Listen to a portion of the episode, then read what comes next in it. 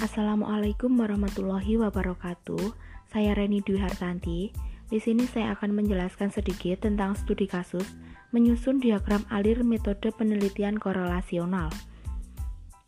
Penelitian korelasional adalah suatu penelitian untuk mengetahui hubungan dan tingkat hubungan antara dua variabel atau lebih tanpa ada upaya untuk mempengaruhi variabel tersebut sehingga tidak terdapat manipulasi variabel.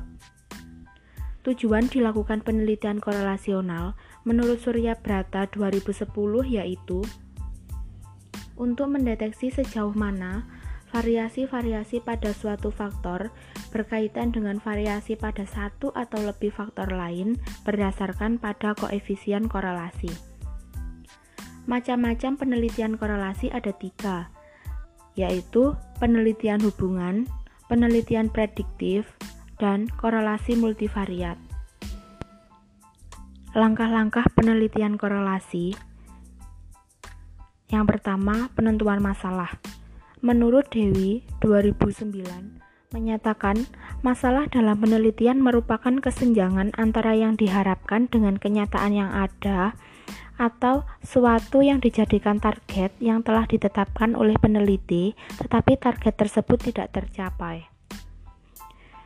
Setelah penentuan masalah, kegiatan peneliti yang penting adalah studi kepustakaan yang menjadi dasar pijakan untuk memperoleh landasan teori, kerangka berpikir, dan penentuan dugaan sehingga peneliti dapat mengerti, mengalokasikan, mengorganisasikan, dan menggunakan variasi pustaka dalam bidangnya. Yang ketiga, rancangan penelitian atau metodologi penelitian.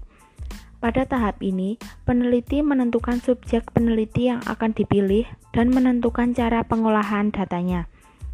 Subjek yang dilibatkan dalam penelitian ini harus dapat diukur dalam variabel-variabel yang menjadi fokus penelitian. Yang keempat, pengumpulan data.